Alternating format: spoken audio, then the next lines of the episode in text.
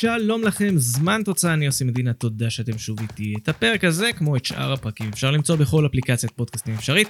המון תכנים, כל הזמן בפייסבוק, בטוויטר, בטלגרם וגם ביוטיוב, למי שאוהב לראות דברים בווידאו או רוצה לראות את הפרצוף שלי. יאללה, אל הפרק. תראו, במהלך העונה דיברנו על אחד משיאי הרצף הכי ארוכים בכדורגל העולמי, שיא המשחקים ללא הפסד ביתי של הכוכב האדום בלגרד. יש קבוצות בעולם שהולכות הרבה יותר גבוה, והיום אנחנו נכיר את אחת הקבוצות הכי גדולות, הכי משפיעות, כזו שיש לה בסיס אוהדים ענקי, והיא חולמת על שיא משלה. לפני שבועיים הסתיימה העונה בליגה המלזית. מי שזכתה באליפות היא לא קבוצה מפתיעה, ג'והור דרול תזים, הקבוצה הכי גדולה במדינה בשנים האחרונות, אליפות עשירית ברציפות, אבל העונה הזו כבר הייתה חד משמעית. ג'והור סיימה עם מאזן כמעט מושלם, 25 ניצחונות, תיקו 1, 0 הפסדים. מאזן השערים שלה הוא עוד יותר משוגע, היא הבקיעה בדיוק 100 שערים וספגה 7 בלבד.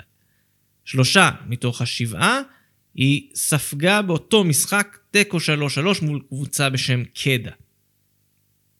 אגב, נתון משעשע על השערים שלה, למרות שהיא כבשה 100 שערים, מלך השערים של הליגה לא מגיע מג'והור, זה שחקן קולומביאני בשם איירון דה ואז'ה, שכבש 23 שערים במדי סלנגור.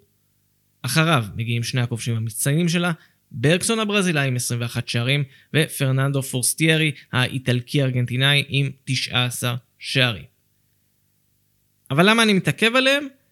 כי פתחנו את הפרק עם דיבורים על שיא.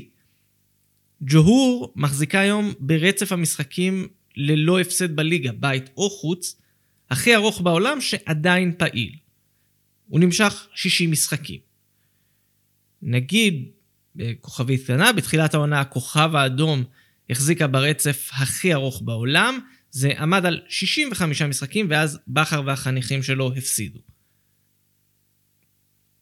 הפסד הליגה האחרון שלה היה באפריל 2021, את אותה עונה היא סיימה עם רצף של 12 משחקים ללא הפסד, ב-2022 היא האריכה את הרצף בעוד 22 משחקים, כאמור העונה עוד 26 משחקים, סך הכל 60 משחקי ליגה. ג'והור נמצאת במרחק משמעותי מהשיא העולמי, כי זה בערך שתי עונות שלמות במלזיה, אבל היא בהחלט נראית כמו מישהי שעתידה לשבור אותו. השיא המיתולוגי הראשון נקבע ב-1989 על ידי סטיאבה בוקרסט, שהייתה הראשונה שחצתה את קו 100 המשחקים הרצופים, ובסוף נעצרה על 104 משחקים. חמש שנים אחר כך, ב-1994, אסק אביג'אן מחוף השנהב קבע את שיא העולם החדש, 108 משחקים. מאז היו כמה קבוצות שמאוד התקרבו לשיא הזה. דיברנו למשל על הכוכב האדום, אבל היו כאלה עם רצפים אפילו יותר ארוכים. למשל אספרנס טוניס, ב-2001 הגיע ל-85 משחקים. אלא העלייה המצרית ב-2007 הגיעו ל-71 משחקים. ב-2014, לינקולן רד אימפס, הבחורים האמיצים מגיברלטר, תפסו את המקום השלישי בכל הזמנים עם 88 משחקים ללא הפסד. עכשיו אמרתי לכם מקודם קבוצה גדולה ומשפיעה, אז בואו נשחק שנייה במספרים. לחשבון האינסטגרם של הקבוצה יש יותר משני מיליון עוקבים. נזכיר שבמלזיה כולה יש 31 מיליון תושבים, כלומר אם אני עושה את זה ביחסים לישראל זה כאילו למועדון כדורגל בארץ יהיו 650 אלף עוקבים. אז לשם ההשוואה, למכבי חיפה יש 203 אלף עוקבים, למכבי תל אביב יש 147 אלף עוקבים באינסטגרם. רק תבינו איזה בסיס אהדה יש לקבוצה הזו. מבחינת הסגל, אין שמות שישמעו לנו מוכרים, המון שחקנים שהם שחקנים מובילים בכדורגל המלזי, שוב, שמות אנונימיים לגמרי לאוהד הכדורגל הממוצע. שם מעניין על הקווים זה אסטבן סולארי, שהוא האח האמצעי בין סנטיאגו הבכור, ששיחק בריאל מדריד, ודוד הצעיר, שזכה באליפות עם קריית שמונה.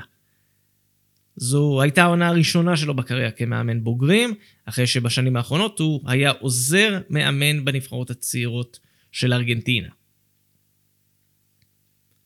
אז זאת ג'והור, העונה במלזיה מתחילה בדרך כלל בחודש פברואר, אנחנו נכניס אותה לפנקסי המעקב שלנו.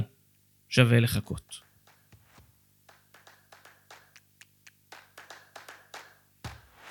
אז זה היה עוד פרק של זמן תוצאה. תודה שהייתם איתי. כאמור, הפרק הזה, כמו שאר הפרקים, עולה בכל אפליקציות הפודקאסטים. תכנים נוספים עולים כל הזמן בפייסבוק, בטוויטר, בטלגרם וביוטיוב. אני כבר מחכה לשמוע מכם תגובות, תהיות, רעיונות לפרקים, הבמה שלכם והיא לגמרי פתוחה. יהיו עוד פרקים, הם כבר בדרך אליכם, עד אז שמרו על עצמכם, וביי בינתיים.